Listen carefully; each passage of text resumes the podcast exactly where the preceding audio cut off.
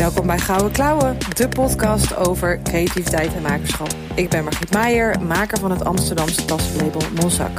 Ik help medemakers om in beweging te komen en te empoweren om ook geld te verdienen met hun creativiteit. In deze podcast spreek ik makers met gouden klauwen. Ze geven een kijkje in de keuken en vertellen over alle hordes op hun pad. Zoals geld verdienen, plut zijn, gebrek aan inspiratie, gedoe met klanten en kwetterende kwelgeesten. Welkom bij een nieuwe aflevering van Gouden Klauwen. Vandaag heb ik Marloes de Vries te gast. Ze noemt zichzelf beeldmaker en verhalenverteller. Ze wist al heel jong dat ze schilder wilde worden en ging op haar achttiende naar de kunstacademie. Ze werkte als grafisch ontwerper en art werkte voor bureaus en ging in 2010 als freelancer illustreren, wat ze inmiddels fulltime doet. Sinds 2020 heeft ze de kwast weer opgepakt en is weer begonnen met schilderen. Een creatieve duizendpoot dus. Vanuit Engeland, welkom Marloes. Leuk dat je er bent. Hallo. Lekker ja, wij, uh, ja, wij, uh, wij hebben elkaar, uh, denk ik, een maandje geleden voor het eerst gesproken via de telefoon. We, werden geïntroduceerd via via. En toen dacht ik, nou, ja. jij was de eerste gast die ik nog niet, nog niet in het echt had, of, ja, nog niet had gesproken, nog niet, echt, nog, nog niet echt kende. Dus ik dacht, ik ga even bellen met Marloes om eventjes kennis te maken. Nou, dat duurde uiteindelijk twee uur die kennismaking. We raakten niet uit. twee uur gekletst? Ja, ja, we hebben twee uur gekletst. En uh, ik heb super veel aantekeningen ook gemaakt. Dus ik moest eventjes daar lekker doorheen uh, scrollen uh, voor, ter voorbereiding van deze podcast. Maar het was heel leuk om even terug te lezen. Maar ja, leuk dat je er bent. Waarom zit je in Engeland, Marloes? Uh, nou, ik heb dat altijd al gewild. Nou, altijd. Echt al tien jaar dat ik ervan droomde om een tijdje in Engeland te gaan zitten. Dat leek me, ik vind het land gewoon fantastisch. Uh, het landschap spreekt me heel erg aan. De mentaliteit van de mensen. De hoeveelheid boekenwinkels. Um, en met Brexit werd het dus steeds lastiger. Je kunt er niet zomaar meer naartoe verhuizen. Maar je mag er wel gewoon lang op vakantie. En vorig jaar had ik zoiets van, ja, dat wil ik heel graag. Mijn partner wilde ik graag mee hebben, maar die zag dat niet zo heel erg zitten. Totdat ik in februari een keer thuis kwam van een meeting. En ik zette mijn tas neer op de grond. En hij zegt van, oké, okay, ik heb alles geregeld. Mijn baas weet ervan. Ik heb een huis gevonden. We gaan drie maanden naar North Yorkshire. ik dacht zo, wat? Want we hadden er echt al, ik denk een half jaar niet meer over gehad. Maar hij had uh, alles even binnen een dag had hij geregeld. En uh, ja, een paar maanden later zit ik nu hier in Engeland. Super fijn. En je vertelde net uh, dat je uitkijkt over een, een mistige heuvel. Je zit echt midden in de natuur ja, ik begin hem nu weer te zien. Net toen we begonnen zag ik hem niet, maar hij begint nu uit de mist, mist begint hij weer een beetje, kijk nu uit het raam, begint hij weer een beetje omhoog te komen. Ja. Oh, wat heerlijk. Dat, uh, we hadden het even over, over wonen in de stad en wonen in de natuur en hoe je ook je creativiteit veel meer binnen handbereik hebt als je veel groen om je heen hebt. Hoe, hoe ervaar jij dat? Um, nou, ik ben geboren en getogen in Drenthe. Dus ik ben eigenlijk wel uh, omringd altijd geweest door veel rust, veel natuur. Um, en ik ben zo'n tien jaar geleden verhuisd naar Rotterdam. Wat een gigantische ommezwaai was. Want van heel veel rust naar heel veel drukte. En dat was toen ook net in de tijd dat Rotterdam heel erg op begon te komen. En inmiddels is het daar echt voor mij veel te druk. Uh, ik woon sinds een paar jaar nu net buiten Rotterdam. Um, maar ik merk wel dat ik meer behoefte heb aan de natuur. Dus dat ik zelf overweeg om weer terug naar het oosten te verhuizen. Want ik merk dat uh, natuur en rust en ja, die uitnodiging eigenlijk om naar buiten te gaan, mij heel veel, uh, ook creatief, op, op creatief vlak heel veel biedt. Ja, ben je, ben je daar nu ook veel aan het, uh, ik heb wel op Instagram wat drone, vette drone filmpjes en zo gezien. En ben je daar ook veel aan het tekenen? Um, nou, de eerste maand eigenlijk niet. Uh, ik heb denk ik geen potlood opgepakt in de eerste vier weken. Uh, ik wilde echt helemaal tot rust komen. Dus uh, ik heb, ben veel buiten geweest. Ik heb veel gekeken. En eh, in principe hoort dat ook bij het creatieve proces. Dat je niet alleen, we denken heel vaak van ja, als we iets in onze handen hebben en aan het produceren zijn, dan zijn we creatief bezig.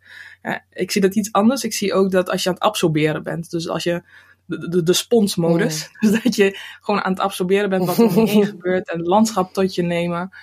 Um, dat vind ik ook onderdeel van het creatieve proces. En uh, vroeger voelde ik me daar heel schuldig over dat ik uh, aan het absorberen was en niet aan het produceren was. En nu heb ik zoiets van, ja, ik oh, mag ja. ook gewoon een tijd nemen om alleen maar te kijken en te voelen en te zien. En dat, soms moet dat even, net zoals een goede kaas, moet even op de plank liggen. Uh, en dan komt er wat tot rijping. En dat het een soort van, van emmertje is, creatief emmertje die weer gevuld wordt. Oh, een mooi woord, creatief, creatief emmertje. ja, denk het. Ja. Ja. Soms dan, dan, dan, ja, als ik, soms heb ik dagen, dan schud ik het uit mijn mouw, de creativiteit. En dan, ja, dan gaat het heel makkelijk. En andere dagen denk ik echt van, nou, het zit, zit van, nou, mijn emmertje is echt onwijs leeg. Ik moet, hoe, hoe, ga ik, hoe ga ik zorgen dat die weer gevuld is? En dan, ja, dat is wel belangrijk om in balans te houden. Ja, en ik denk dat als je het uh, creativiteit als beroep hebt, dat je dan heel erg geneigd bent om de hele tijd maar uh, uit het emmertje te nemen. En de hele tijd maar door te blijven gaan. Mm-hmm. Terwijl het juist ook zo goed is om af en toe helemaal tot rust te komen. Even helemaal niks te doen. En zorg dat dat inderdaad dat emmertje of een, mijn spons weer lekker gevuld is met water. Ja. ja, zo'n lekker natte, natte spons. ja. ja. Flats. ja. Uh, zo'n uh, spons waar je dan vroeger als je vader de auto ging wassen, dan uh, mee ging gooien. Nou ja, ik ga eventjes mijn creativiteit laten vol. Hé, hey, maar Marloes, neem ons even, neem ons even mee, even in vogelvlucht mee door je carrière. Want ik vertelde al, je deed de kunstacademie op je achttiende. Je wist al heel vroeg, toen je vier was, dat je schilder wilde worden, tekenaar wilde worden. Hoe, hoe, hoe, hoe ben je van best wel, ja, grafisch redelijk digitaal naar, naar nou ja, nu echt back to basic het schilderen gegaan, gevlogen? Um, nou, ik denk, ik, ik zie het heel vaak als een cirkeltje. Dus toen ik vier was, uh, zei ik voor het eerst dat ik schilder wilde worden. Um, en als je ouder wordt, ga je dan denken van oké, maar. En je hoort ook natuurlijk om je heen van ja, maar kunstenaars verdienen niks. En uh, je moet een, een, betere keuze maken, of in ieder geval een logische of een redelijke keuze maken. En toen ik 14 was, mhm. ging ik webdesign doen. En toen uh, kreeg ik heel veel liefde voor het grafische vak eigenlijk. Dus toen ben ik op de kunstacademie grafisch ontwerp gaan doen. Uh, de opleiding heette toen visuele communicatie.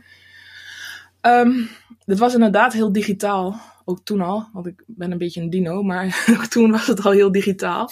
um, en op een gegeven moment ik werkte toen bij een marketingbureau in Groningen. En ik merkte dat ik heel veel behoefte had om mijn eigen verhaal te vertellen, maar ook om gewoon weer tools vast te houden. Dus om potloden vast te houden en om een perceel vast te houden. In plaats van altijd maar achter de computer uh, dingen doen. Um, mm-hmm. Dus toen dacht ik van ja, ik neem een sabbatical en dan ga ik mezelf weer terugvinden. Nou, dat is helemaal niet gebeurd. Ik ben gaan freelancen en dat heb ik daar toen nog 15 jaar gedaan.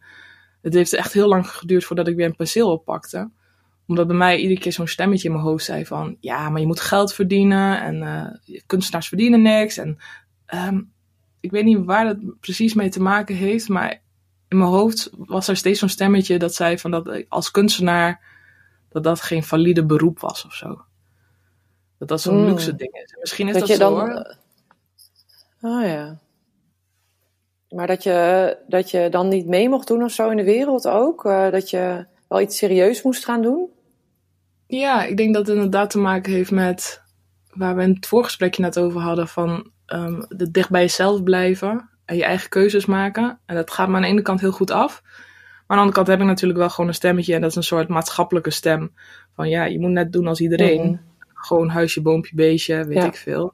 En daar hoort een stabiele baan bij. En kunstenaar, als je kiest om kunstenaar te zijn, dan weet je bij voorbaat al dat dat geen, stabiele, geen stabiel beroep is dat dat uh, lastig kan gaan mhm. worden. Ja, maar, maar ook omdat het je verteld is, toch? Ja, zeker. Dat het lastig kan gaan worden. Geloof je dat? Ja. Ja, want ik denk dat. Um, ik hoorde laatst een interview met een andere illustrator. die echt in een kunstenaarsgezin was opgegroeid. En dat ze van jongs af aan heeft gehoord van. ja, het is allemaal mogelijk. Alles is, is, uh, ligt voor je open. Je kunt alles. En daar lagen altijd schildersmaterialen in de studio. en wat ze kon gebruiken. En toen voelde ik me een beetje zo'n zo'n steek. Zo van, oh, dat had ik graag gewild. Dat hmm. gewoon...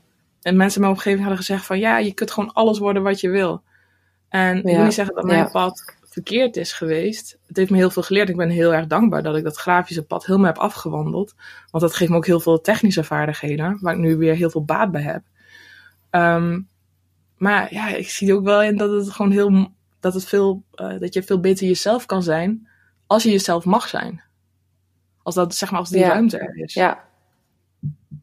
En, en hoe, heb jij, uh, hoe heb je dat dan nu? Want nu ben je wel kunstenaar geworden. Uh, of sta je het jezelf toe? Waarschijnlijk was je het al die tijd al, maar nu sta je het jezelf toe. Wat, wat, wat is er dan gebeurd in jouw denken, uh, waardoor je het jezelf toestaat of het er meer mag zijn? Um, ik denk sowieso de hele pandemie. Uh, toen in het begin van de mhm. pandemie in 2020, toen had ik opeens geen opdrachten meer. Of alles werd op pauze gezet. Dat herkennen men, heel veel mensen waarschijnlijk wel als je freelancer bent. Alles was onzeker, dus alles werd op pauze gezet. En ik had opeens tijd over. En ik dacht, ja, wat ga ik dan doen met al die tijd die ik nu heb? En toen dacht ik van, weet je, fuck it, ik ga gewoon schilderen. Dat heb ik altijd al gewild, wil ik altijd doen. Ik ga weer canvasdoeken kopen. En uh, acrylverf van de kunstacademie was nog goed, was nog gewoon vloeibaar, zat in een pot. ik denk van, zo, na 15 jaar is dat nog gewoon vloeibaar, dat werkt nog. Uh, Goeie verf. ja, ja, beter dan ik had gedacht. Um, dus toen ben ik gaan schilderen. en toen merkte ik uh, hoeveel vrijheid mij dat bood, dat schilderen. En hoeveel uh, ik het had onderdrukt. Uh, mijn eigen verhaal had onderdrukt eigenlijk. Dus ik als freelancer, als grafisch ontwerper, maar ook als illustrator de afgelopen tien jaar, ben ik heel erg gewend om de boodschap van de klant om te zetten naar beeld. Dus het is een heel dienstbaar beroep. Van hmm. iemand vertelt me wat en mijn taak is het, uh, is het om het te vertalen naar beeld. Um, dus daarbij vergeet je heel vaak, tenminste ik vergat heel vaak, dat ik zelf ook een verhaal te vertellen heb. Um, en dat deed ik in de strips die ik deed. Voor sommige strips uh, kon ik best wel een deel van mijn verhaal kwijt. Maar alsnog ben je heel erg bezig met je publiek. Van uh, uh, wat voor, voor, verhaal vertel ik mijn publiek? En is dit leuk? Ja. Je bent heel erg aan het pleasen. En met het schilderen ja. merkte ik opeens dat ik mezelf aan het pleasen was. En dat voelde heel erg fijn. Daar ben ik echt heel erg blij van. ja, dat wil ik meer. En, en die tijd, die tijd maakte dan, die tijd die, die je vrij had, maakte dan dat je jezelf toestond om gewoon lekker te gaan maken en wel te zien zonder dat daar een opdracht van iemand anders achter zat. En dat zorgde dat je best wel veel, ja, een goed gevoel op jezelf kreeg. Ja, Voeding. Want als, als je als, als freelancer kwam de vraag voor opdrachten bleef maar gaan, al, al twaalf jaar lang. Um, dus de hele tijd sta je in de hulpvaardige modus. Van oké, okay, er komt een aanvraag binnen. Want ik nam me altijd voor, als ik de tijd heb, als het even rustig is qua opdrachten, ga ik iets voor mezelf doen. Maar dat was al twaalf jaar eigenlijk niet mhm. gebeurd. Ik was de hele tijd maar bezig voor klanten. Wat hartstikke fijn is, waar ik heel dankbaar voor ben. Maar er was dus geen ruimte voor mezelf. En toen die ruimte er opeens wel was, um, voel, hoefde ik me ook niet schuldig te voelen tegenover klanten. Want ik hoefde tegen niemand ja, ja. nee, ik heb tijd te zeggen. Ik hoefde tegen niemand ja. te zeggen van, nee, sorry, ik werk even aan mezelf. Uh, want er was gewoon niks. geen verantwoording af te leggen aan, aan niemand. Dus dat was gewoon ideaal voor mij om te kijken van wat wil ik dan echt.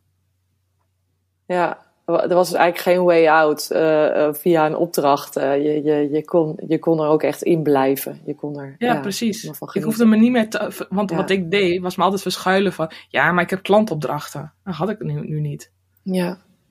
Nee.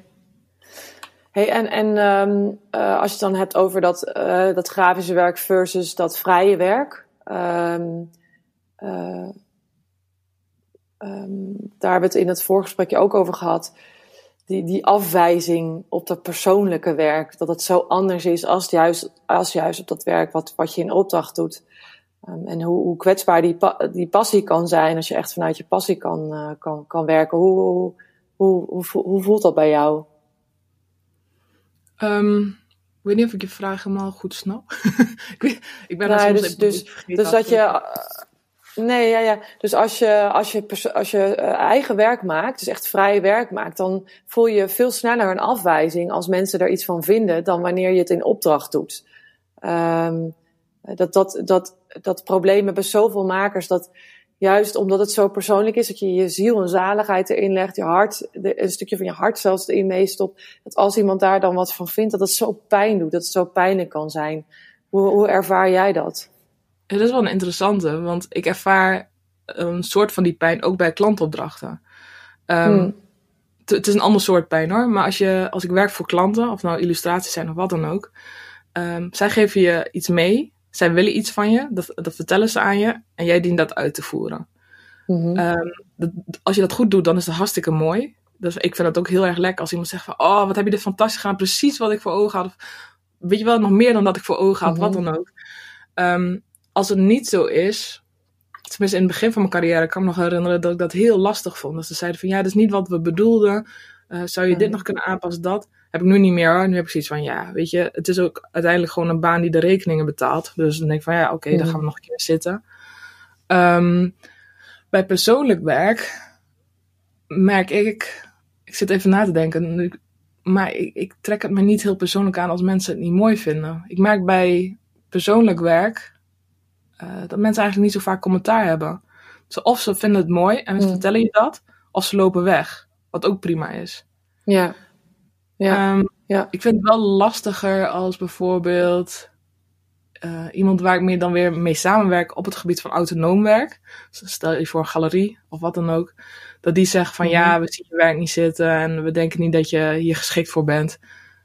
Dat heb ik een keer gehad en ik, dat vond ik wel lastig. Um, Maar ja, dan moet je je wel leren overheen zetten. En wel dicht bij jezelf blijven. Niet denken van oké, wat willen jullie dan? Want dat is die valkuil. Als je dan gaat denken van, ook met je autonome werk, dus het werk wat uit je hart komt. Als je dan gaat denken van, oké, maar wat wil de kijker? Dan is het geen autonoom werk mhm. meer. Dan is het weer iets wat je dus doet voor een klant. Dus ik denk dat je daar heel waakzaam ja. mee moet zijn.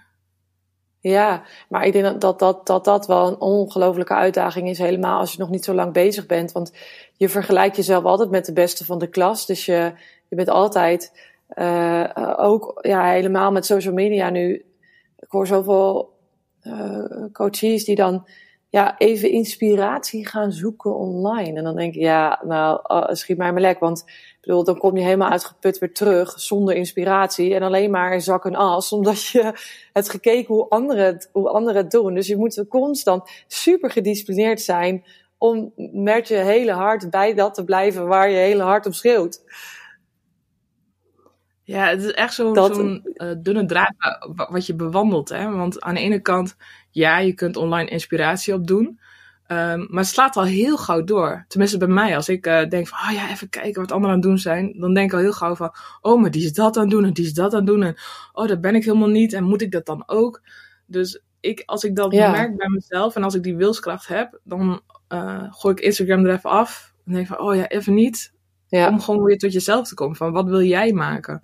En ik denk dat uh, naar een galerie gaan of naar een museum gaan, dat dat inspirerender kan werken dan naar Instagram gaan.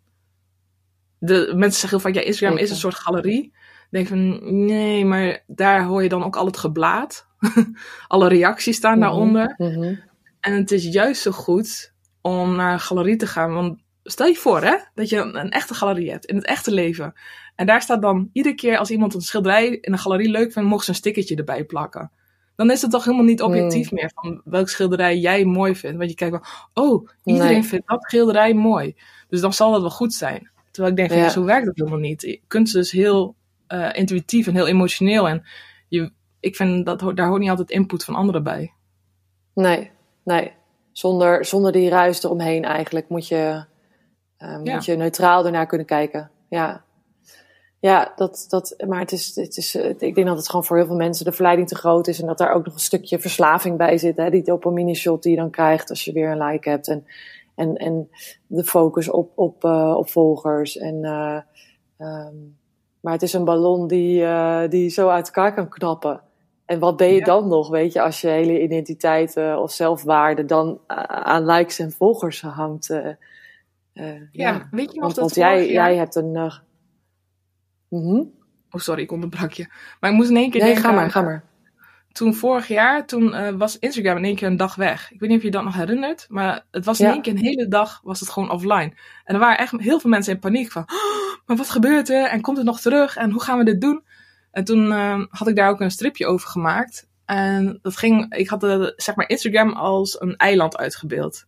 En Instagram moet je eigenlijk zien van, nou, dat is jouw plekje, ergens in, weet ik veel, op het grote wijde web.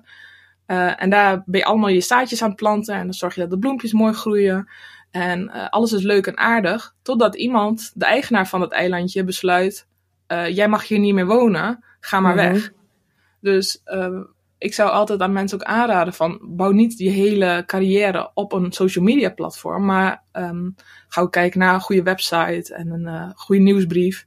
Nieuwsbrief is veel directer dan eigenlijk social media. Want je hebt gewoon die e-mailadressen. En je weet zeker, onafhankelijk van.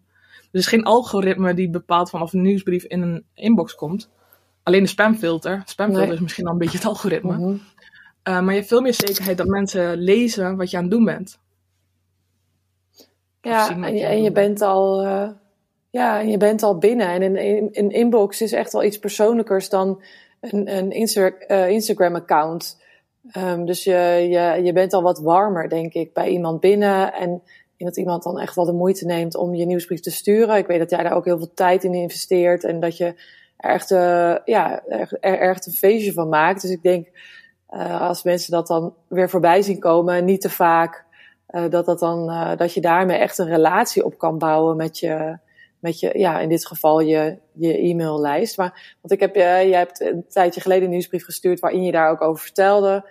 Over je pijlers wat meer gaan richten op uh, op blogs en op, op e-mail marketing. Dat, dat, dat komt, ook, komt dat ook door de onrust die nu op, op Instagram heerst? Um, ja, deels. Um, ik zit even te denken.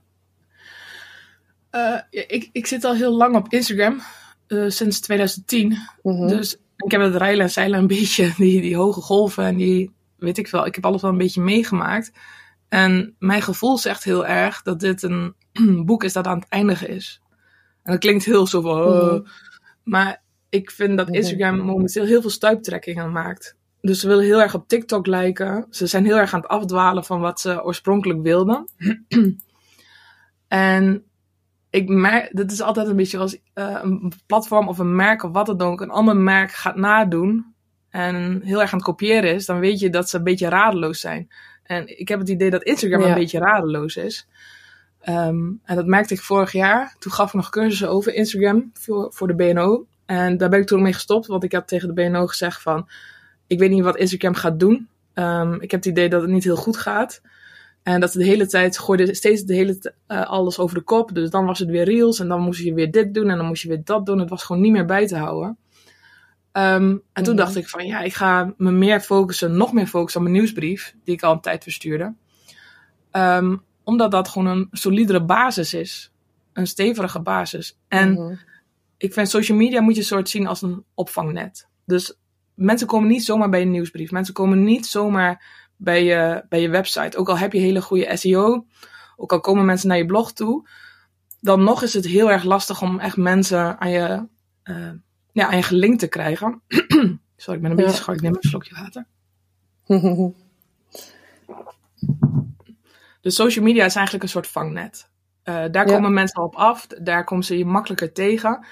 Um, en door dat vangnet zeg je eigenlijk van... Oké, jullie zijn hier nu. Kom alsjeblieft naar mijn nieuwsbrief. Dus dat moet je een beetje zien als een trechter. Je vangt eerst al die mensen op met social media. En dan leid je ze naar je nieuwsbrief toe. En vanuit je nieuwsbrief kun je ze ook weer naar je blog leiden. Um, of andersom natuurlijk. Je hebt een blog. En mensen vinden dat via Google of wat dan ook. En daaronder, bij mijn blog zet ik altijd zo vast, schrijf je ook in voor mijn nieuwsbrief. Dus ik ben nu heel erg bezig met ze allemaal naar die nieuwsbrief te krijgen. Ja, en dat is denk ik ook een soort um, onderhouden dan. Hè? Dus dat je.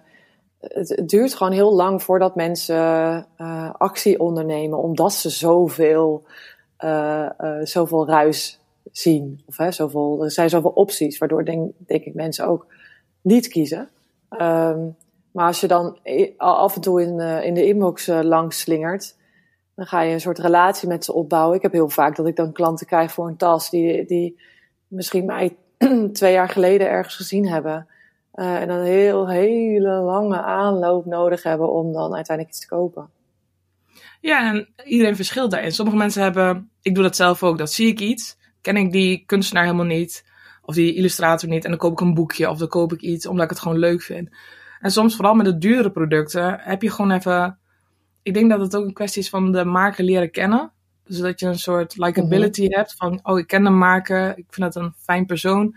Dus dan zijn mensen ook eerder geneigd om een product af te nemen van je. En dat kun je dus, je kunt ja, mensen je leren ja, kennen de... door social media of door je nieuwsbrief. Ja, ja zeker. En daarover gesproken, um, want dat, eh, ja, ik, ik heb soms het gevoel dat ik echt de makers daarvan moet overtuigen, omdat ze dat nog niet helemaal snappen of niet willen snappen. Maar ik heb heel erg gemerkt, mij heeft het heel erg geholpen om groter te worden, om te groeien, is om mijn gezicht te laten zien. Uh, om, een, om een mens te laten zien achter de tassen.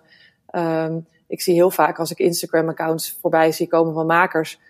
Stel iemand maakt kussens, alleen maar kussens. Dat ik denk, maar als het handgemaakt is, welke handen zitten daar achter? Laat me dat zien. hoe, hoe zie jij dat?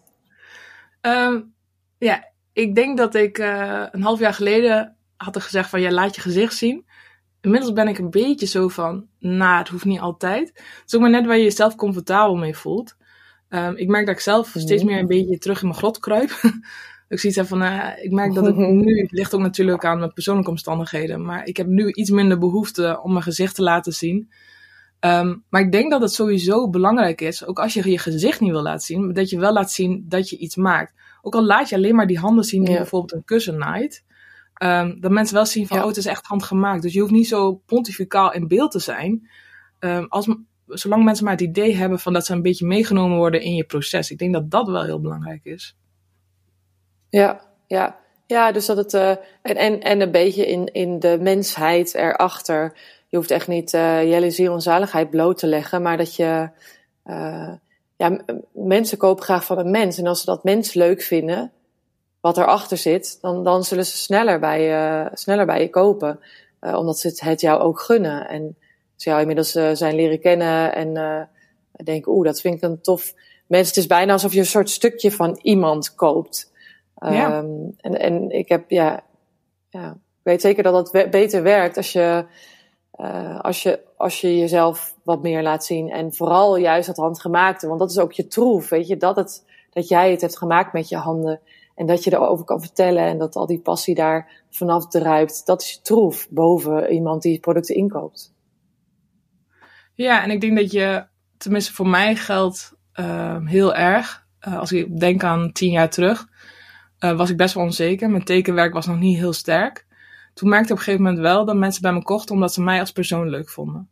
Dus dat het niet zozeer ging mm -hmm. om de uitvoering, um, maar wel om dat ik gewoon een blij ei was en dat heel en grapjes maakte en dat mensen dat leuk vonden. Dus dan kopen mensen in principe inderdaad een stukje van jou. Um, het heeft er wel voor gezorgd dat ik bijvoorbeeld later, in latere jaren, heel vaak dacht van, oh, ze kopen het alleen maar omdat ze mij als persoon leuk vinden, niet omdat het product goed is. Mm. Dus dat is iets voor mij, dat maakt me ook wel weer onzeker. Ja, ja. Maar de, jij wil dan liever dat ze jouw product leuk vinden dan dat ze jou leuk vinden. Ja. um, ja, dat is een beetje. Um, dat komt eigenlijk ook door Instagram. Dus ik heb heel veel volgers op mijn ene account. Ik heb twee accounts. Eentje voor mijn schilderijen en eentje voor mijn illustratiewerk. Voor mijn illustratiewerk is al 12 jaar oud. Heb ik in de loop der jaar uh, meer dan 130.000 volgers op uh, bij elkaar verzameld. Uh, nou ja, heb ik niet gedaan. Die mensen hebben gewoon gaan volgen. Um, maar ik merkte ook wel, zeg maar een paar jaar geleden, kreeg ik af en toe klussen. En dan noemden ze me niet de illustrator, maar dan noemden ze me een influencer. Nou ja, als je me een beetje volgt, dan weet je dat ik niet aan influencer doe. Dus ik uh, raad bijna nooit producten aan. Eigenlijk niet. Dus ik ben geen influencer. Ik ben gewoon iemand die tekent met veel volgers. Um, maar dan werd ik wel eens als influencer uh, aangekondigd. Dat ik dan ging tekenen van ah, de influencer Marloes de Vries. En ik merkte dat ik dacht van, mm. oké, okay, ik heb deze klus dus gekregen vanwege dat getalletje wat onder volgers staat. Um, en toen denk ik van, oké, okay, dat is prima. Nou, verdien ik geld aan. Oké, okay, goed. Ik merkte vorig jaar dat ik werd benaderd door een partij. En ik dacht heel erg dat het om mijn kunst ging. Dus ik dacht heel van, oh, ze vinden mijn schilderijen mooi. Ze vinden het mooi wat ik maak. Totdat ik erachter kwam van, oh ja, ze hebben het wel steeds over die volgers. Ja, en als je, ons, als je je volgers zus en als je je volgers zo en je volgers huppelen pup en Instagram dit en oh, misschien kunnen we ook een fandag doen. En toen dacht ik opeens van, oh, wacht even, dit gaat niet om mijn werk, dit gaat om de volgers. Hmm. En natuurlijk is dat wat influencers heel vaak doen. Dat is, zijn uh, mensen die reclame maken voor een product of die gaan een, uh, een collab aan, zoals je dat noemt, met een bepaalde partij. En ja ja, dat is een samenwerking, commerciële samenwerking. En toen merkte ik, toen mij dat een beetje overkwam, dacht ik van, oh, maar dat is niet wat ik wil. Ik wil niet dat het om een commercieel ding gaat. Ik wil wel dat het nu echt, vooral nu ik mijn autonome kunst maak, dat het echt om het werk gaat en niet om het commerciële plaatje erachter, dus om de volgers of wat dan ook. Ja, en dat is ook waarom je jouw eigen kunst dus op een ander account hebt gezet. Ja, dat is wel omdat ik dacht van hoeveel animo is daarvoor. Want kijk, als ik uh, mijn kunst ook op mijn grote account, zo noem ik dat heel vaak, het grote account zet, um, dan weet ik niet precies. ja, weet je, als ik het op een ander account zet, kan ik echt zien van, oh, wie is daadwerkelijk geïnteresseerd? Hoeveel mensen komen er mee? Hoeveel mensen zijn hierin geïnteresseerd? Dus dan heb je die cijfers wat duidelijker. Ja, ja. Hey, en als dat, um, de, de, um, stel dat account gaat groeien, want eh, dat, daar, zit, daar zit ik dan nu een beetje in van, ik heb nu een online product, dus een online training als de makerscoach en ik heb fysieke tassen uh, met mijn zak. En nu, omdat ik nu met een online product bezig ben, valt het me des te meer op dat er toch wel heel veel handwerk in gaat zitten als je dus een tas moet maken. Uh, en in jouw geval, je had natuurlijk, is het een beetje, an, beetje andersom, want het, het, het, werk wat jij, wat jij maakt, uh, het, is, het is één tekening, die gaat dan online en dan op je grote account heel veel mensen reageren erop. Maar dat is dan in verhouding niet zo heel veel werk voor wat er dan uitkomt. Maar goed, wat er, wat uitkomt zijn likes en wat stelt dat dan voor? Maar even kort door de bocht. En aan, en aan de andere kant ga je dus nu uh, uh, kunst maken, maak je kunst. Maar wat als dat account gaat groeien? Hoe, hoe zie je dat voor je? Dat je, dat je elke dag zou schilderen? zie je dat zo voor je? nou, dat merk ik nu dus al een beetje dat, je hebt hele snelle schilders. Dus het zijn echt mensen die een, een 1,20 bij 1,20 doek maken per dag. En dan denk ik altijd van, oh, mm kan ik niet. ik ben soms echt oprecht maanden bezig met één schilderij. En uh, ik hoop dat dat wat sneller gaat worden. Hoe vaker ik het doe. Ik mag niet. Ik wil echt niet dat het uitschilderij negen maanden gaat duren. Maar je merkt dan wel van, oh ja, ik begon op een gegeven moment weer in content te denken. Van ja, en hoe plaats ik dit dan als content? En ik heb dat een beetje losgelaten. Ik denk van ja, weet je, ik heb geen zin om tijdens het schilderen de hele tijd filmpjes te maken. Dat doen heel veel kunstenaars. Die filmen hun, uh, zo'n timelapse van het hele proces van de schilderij. Daar heb ik gewoon geen behoefte aan, want ik wil in mijn bubbel zitten. Ik wil gewoon gefocust zijn op een schilderij. Ik wil gefocust zijn op mooi werk. En ik wil geen contentmaker zijn. Dat, is, dat zijn andere mensen hartstikke goed in. Ik wil dat niet.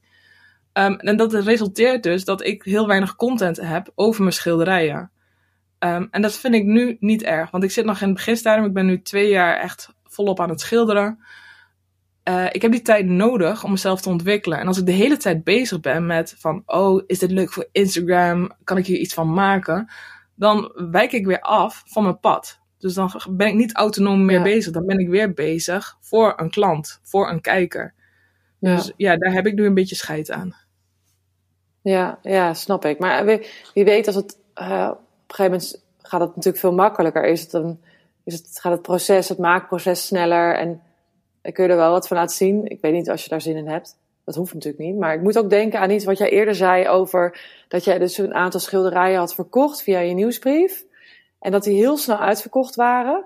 En dat er toen iemand reageerde van, nou, dit is wel makkelijk geld verdienen in vijf minuten of zo. Dat het binnen vijf minuten uitverkocht was. En, dat, en, en eh, voor die mensen zijn die filmpjes dan wel weer belangrijk, omdat die dus niet snappen what it takes. Ja, ja, dat snap ik wel. Um, ik vond het inderdaad toen heel grappig. En toen had ik aan die persoon ook gezegd van... Ja, één dit schilderij duurde negen maanden. Dus het is niet echt serieus vijf minuten dat je dan zoveel cash binnenhengelt. Um, sorry, ik ben, ik ben je vraag kwijt. Nou ja, dat, dat, uh, dat juist voor dat soort mensen die, uh, die echt geen reet, ja, die gewoon geen reet snappen van het proces, dat het misschien wel goed is om wat meer van het proces te laten zien. Uh, ja, aan de ene kant. Nou ja, als je voor hun moet gaan werken. Ja, weet je, het is niet mijn verantwoording om mensen uit te leggen hoe lang ik bezig ben met een product. Um, en misschien later wel dat dat weer een mooie toevoeging kan zijn. Maar op dit moment leidt het uh, proces opnemen van het product maken af. Dus als ik bezig ben met een mooi camera shot, oh hier zit de camera neer, oh dan moet ik hier even shot en dan moet ik hier net even doen of ik schilder. Uh, dan, dan is het niet meer, ben ik uit mijn flow. En op dit moment is het voor mij, vooral omdat ik nog in het beginstadium zit, heel erg belangrijk dat ik in mijn flow blijf zitten, dat ik mijn stem leer vinden. En dus ja, het is jammer voor die mensen die denken dat ik het in vijf minuten uitverkoop dat komt wel als ik echt mijn stem heel duidelijk heb gevonden. Als het me makkelijk afgaat. Als ik één schilderij per dag kan maken. Dan ga ik het filmen. Dan ga ik alles laten zien. maar deze tijd is nu van mij. Ja, en, eh, ja en dat, daar heb je een hartstikke groot gelijk in. Het is, een, het is zo'n dunne lijn, hè? Uh, je, moet het, je moet het uiteindelijk voor jezelf doen. Dat is het aller, allerbelangrijkste. Maar ik denk, uh, dat, ja, dat, dat we ook educate your clients. Dat we ook bezig zijn met mensen opleiden. Mensen, mensen, uh, mensen, dat heb jij ook een keer ergens in de podcast gezet. Gewoon dat, dat uh, het makerscollectief ook sterker maken, waardoor we beter kunnen laten zien aan anderen. Um, dat het, dat het niet zomaar iets is wat uit de machine komt rollen. En dat denken gewoon veel mensen. Ja, dat is wel grappig. Ja, ik dacht, uh, met illustratiewerk voelde ik me soms echt een tekenfabriek. Het was zo van, bliep bliep, gooi er een muntje in en Marloes die tekent wat. Uh, en dat vind ik ook weer leuk aan de kunst, dat het dat weer heel erg van mij is. Aan de ene kant vind ik het inderdaad van, ja, we moeten mensen laten zien dat kunst echt tijd kost. Aan de andere kant moet het niet ten koste gaan van je eigen proces en van je eigen ontwikkeling. Dus als je daar een balans in kunt vinden, dan zit je goed. Ja, 100% mee eens, ja. Ja, ik had dus iets, uh, even notitie gemaakt van wat je daarover zei. Over dat, dat, dat kunstenaars of makers collectief sterker maken. Dat je zei, ergens, er is genoeg plek voor iedereen. Uh, en juist elkaar helpen in plaats van concurreren met elkaar. Um, wat, wat, wat, maar, wat, waarom vind je dat belangrijk? Um, ja, ik zeg heel veel, hè. En soms kom ik erop terug. ik ben ook maar een mens. maar je mag erop terugkomen, hoor. nee, nee, ik ben het nog steeds wel mee eens. Um, ik ben bijvoorbeeld ooit met een blog begonnen voor illustratoren. Over prijsbepalingen, over auteursrechten, over contracten en dat soort dingen. Omdat ik oprecht vind dat als we allemaal weten hoe het werkt en hoe we de markt gezond kunnen maken, dat dat beter is voor iedereen. Voor elk individuele freelancer, illustrator, kunstenaar. Um, en ik geloof nog steeds van dat er, uh, zolang je je eigen stem volgt, zolang je je eigen pad volgt, is er plek voor iedereen. Wat ik wel merk is dat er natuurlijk makers zijn die anderen gewoon klakloos kopiëren. En dan het goedkoop in de markt mhm. zetten. En dan, daar zet ik altijd wel een beetje mijn vraagtekens bij. Um, ja, ik ben daar niet zo van. Ik vind dat, uh, ik vind dat best wel naar als mensen dat doen. Um, en sommigen doen het misschien onbewust, omdat ze denken van ja, dat werkt in de markt. Uh, dat is nu populair, dus ik ga mij in die stijl tekenen of ga ik in die zo'n zo soort schilderij maken. Het is gewoon sowieso mm -hmm. veel interessanter als je je eigen werk maakt vanuit jezelf. Van wat wil jij maken? Mm -hmm. En ja, ik snap als geen ander hoe moeilijk ja. dat is.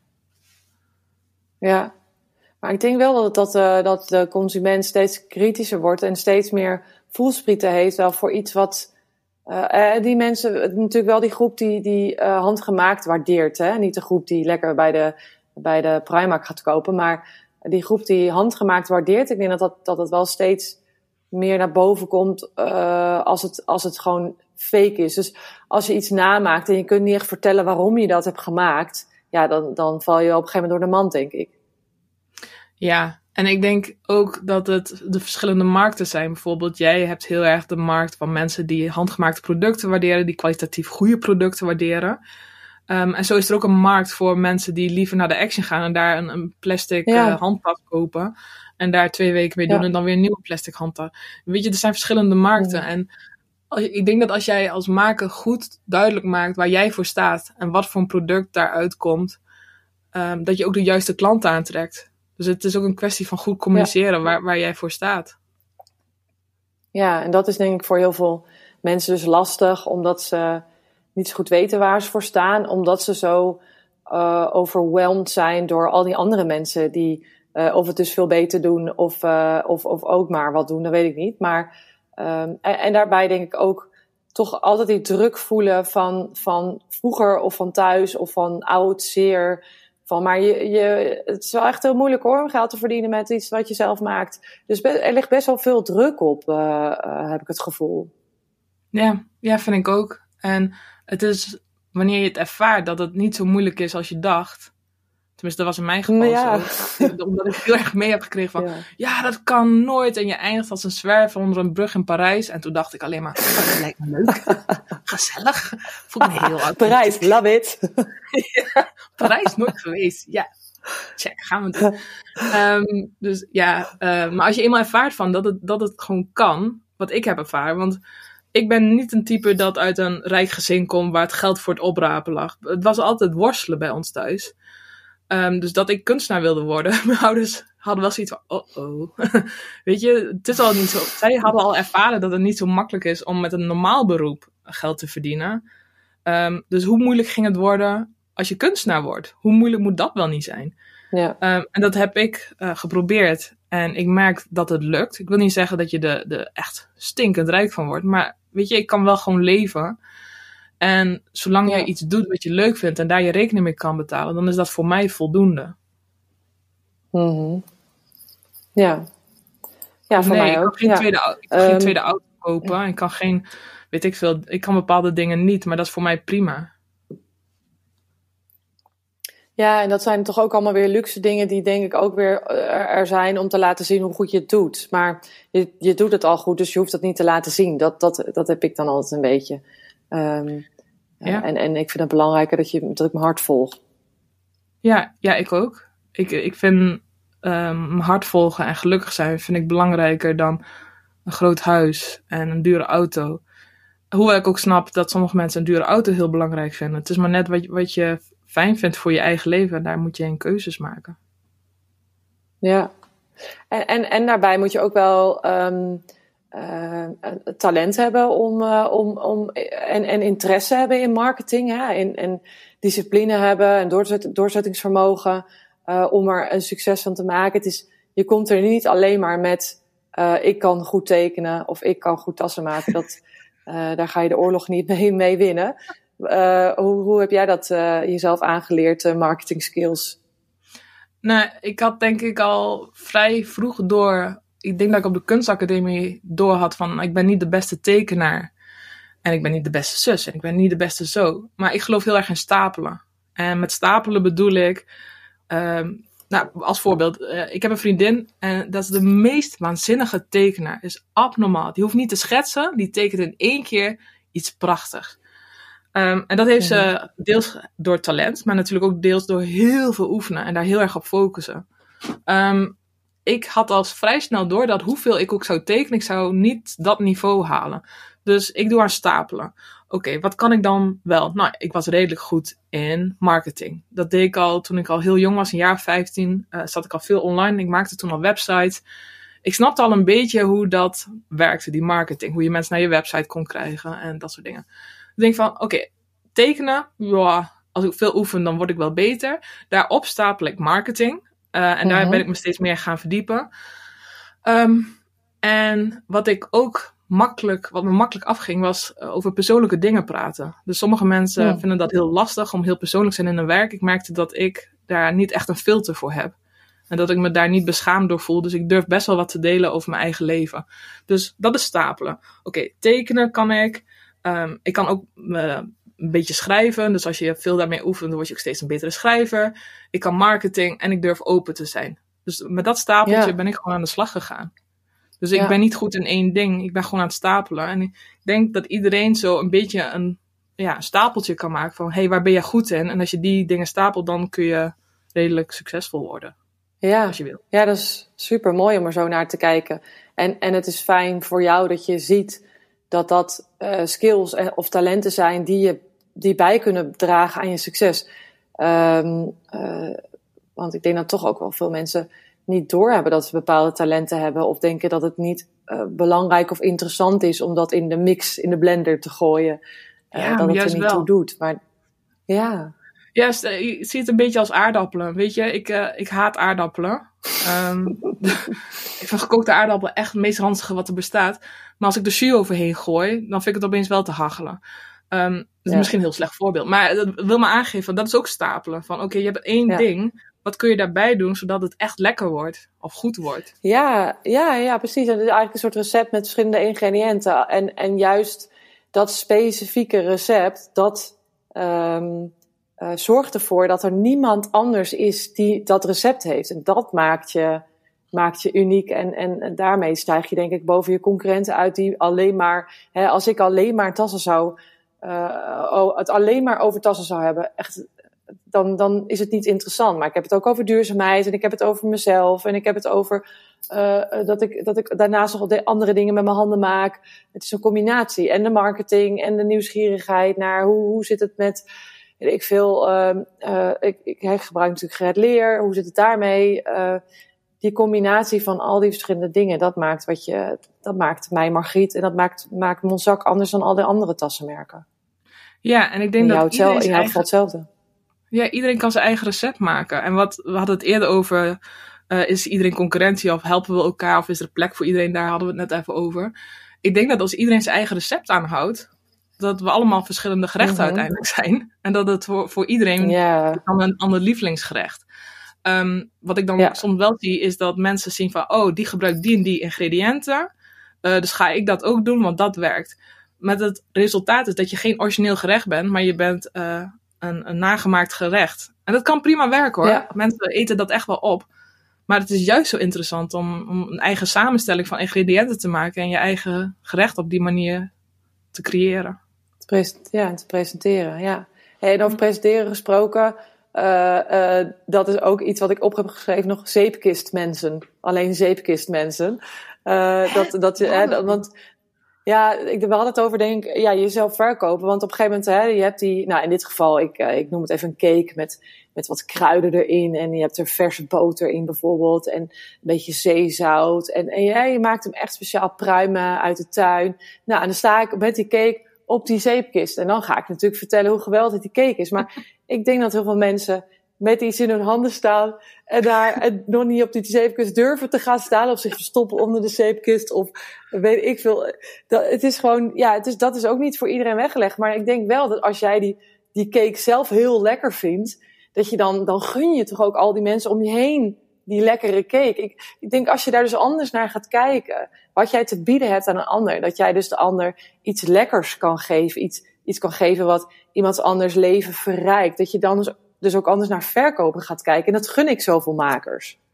Ik weet dat het een hele mooie vergelijking, want ik zie dat dus heel visueel voor me, heel beeldend.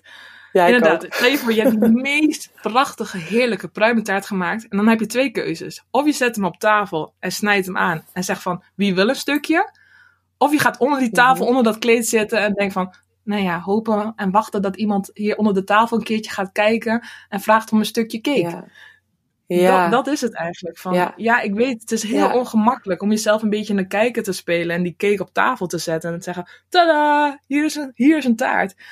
Maar wat ga je dan doen? Ga je, ga je anders die cake laten verschimmelen? Ja, en, en, en ja, nee, maar zeker. En, en eh, oh, ik wil zoveel, dus er komen zoveel dingen nu in me op van, je, je, je, you owe it to us om die cake te laten proeven. Want die, anders hou je dat voor jezelf, ook best wel egoïstisch.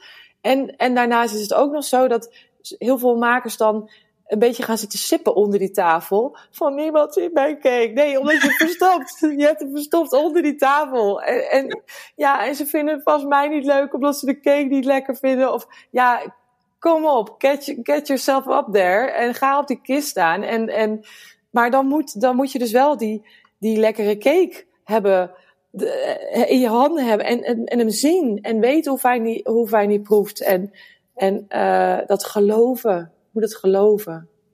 Maar even vooropgesteld hoor, als iemand een product maakt, of het nou een cake is of een tas, en die zegt van, ja, ik hoef dit product niet te verkopen, ik wil dit product niet delen, vind ik ook helemaal goed hoor. Dat, is, dat, dat mag als jij uh, iets voor jezelf doet. Gelukkig. als jij die cake helemaal ja. in jezelf nee. in je eentje wil opvreten onder die tafel, uh, be my guest. Maar inderdaad, je moet dan niet gaan, als je niet die cake op tafel zet en niet zichtbaar maakt, dan kun je moeilijk zeggen van ja, niemand wil mij. Ik ben, doe dat zelf soms ook een beetje hoor. Ik heb daar echt een handje van, want het liefst kruip ik ook niet op die zeepkist. En het liefst zet ik hem ook niet op tafel. Um, want ik denk ook heel vaak, ik wil al bijvoorbeeld al jaren wil ik een agent het lijkt me echt fantastisch dat iemand anders gewoon het zakelijk gedeelte voor me regelt. En dat ik me helemaal kan focussen op het illustreren, op het tekenen. Um, dus ik, zeg, heel, ik merk soms dat ik dan een beetje zelf meeleven. Hmm, iedereen heeft een agent en ik heb geen agent. Ah, ik ben zo zielig. en dan moet ik mezelf er echt even bijsleuren van... Oké, maar hoeveel heb ik eraan gedaan om een agent te krijgen? Echt, nou, drie pogingen, pogingen gedaan. Ik heb drie pogingen gedaan om een agent te krijgen. Die zeiden alle drie nee. En dat is super weinig. Ik kan echt niet van alle agenten die bestaan. Uh, ja, dus als ik een agent wil, moet ik toch die agenten gaan contacteren. Dus ik snap heus wel hoe eng dat is. Maar als je iets wil, moet je toch stappen. Ja, en ik ben dan gelijk nieuwsgierig. Wat zit er dan achter waarom je dat dan toch een beetje uitstelt? Dat, daar, daar zal ook een, ja, daar zal ook iets, misschien is het tijd, of misschien denk je, nou, dat komt wel, of uh, er kan van alles achter zitten. Maar ik denk, ik geloof wel dat, het, afwijzing, als je het echt graag wil, nu. Ja, angst daarvoor bedoel je. Ja, tuurlijk. Ik denk dat het heel menselijk is. En ik ben net zoals ieder ander. Uh, niet iedereen zal daar tuurlijk, even last van hebben, maar ik ben heel erg bang voor afwijzing. Ik vind dat heel lastig om mee te dealen. Um, dus ik heb drie mhm. keer nee gehad en toen dacht ik van, ja, zie je wel, niemand wil mij. Um, dus toen heb ik het niet meer geprobeerd en daar heb ik een beetje een handje van. Uh, dat is een, waar ik overheen probeer te werken als maker. Dus ik uh, zit nu 22 mhm. jaar in het vak. Ik ben nu 22, 22 jaar geleden ben ik begonnen als webdesigner. Um, op 14 jaar leeftijd, dus ook super jong. Um, en dus het maakt niet uit eigenlijk hoe lang je het doet. Ook na, na 20 jaar kun je nog steeds onzekerheden hebben. En Tuurlijk. Ja, dat vertel ik eigenlijk alleen maar zodat iemand anders er misschien iets aan heeft. Van ja, die onzekerheid ja. kan heel lang doorgaan. Dat wil niet zeggen dat met de jaren onzekerheden weggaan. Met onzekerheden moet je gewoon aan werken. En daar moet ik ook aan werken. Ja, ja, en ik denk dat juist um, um, als je dus iets verkoopt wat je zelf gemaakt hebt, dan word je constant met jezelf ge, geconfronteerd. En dat is, dat, dat is echt wel anders dan wanneer je in loondienst, ja, niet, nee, niet om loondienst te bashen, maar om niet, um, als je nieuwe dingen wil doen, als je wil groeien, dan word je deze de hele tijd met, met eigenschappen, belemmerende overtuigingen geconfronteerd, waar je wat mee moet of waar je je kop voor in de stand steekt. kan natuurlijk ook, maar ik wil daar dan wel wat mee doen. Ja, en ik denk dat dat ook wel, als je freelancer bent of uh, zelfstandige bent, dan dat merk ik heel erg bij mijn partner die in loondienst is. Als hij ergens niet uitkomt, contacteert hij een collega of een, uh, iemand anders, een manager, en die lossen vaak dingen voor hem op. Ja. Als zelfstandige. Ik heb uh, geen personeel in dienst, dus ik heb geen mensen die me helpen. Ik moet eigenlijk alles zelf doen. Dus je wordt de hele tijd met jezelf en met je eigenschappen, maar ook met je dingen die je niet goed kunt, word je geconfronteerd. Dus ja. zelfstandige zijn en freelancer zijn is ontzettend confronterend. Ja, uh, ja het is echt, iemand heeft wel eens gezegd, persoonlijke ontwikkeling in het kwadraat. dat, ja, nou, dat ben ik het wel eens. Ja. Ja, ja. Ja, en, en, uh, maar goed, daardoor kun je het ook wel echt helemaal zo vormen zoals je wilt. Dus dat, er zitten ook heel veel voordelen aan. Maar het is niet voor het pussies. Nee, ik denk dat ik um, niet meer in loondienst zou kunnen. Misschien, ja, ik zou het wel kunnen. Als het echt moet, kan ik wel weer in loondienst.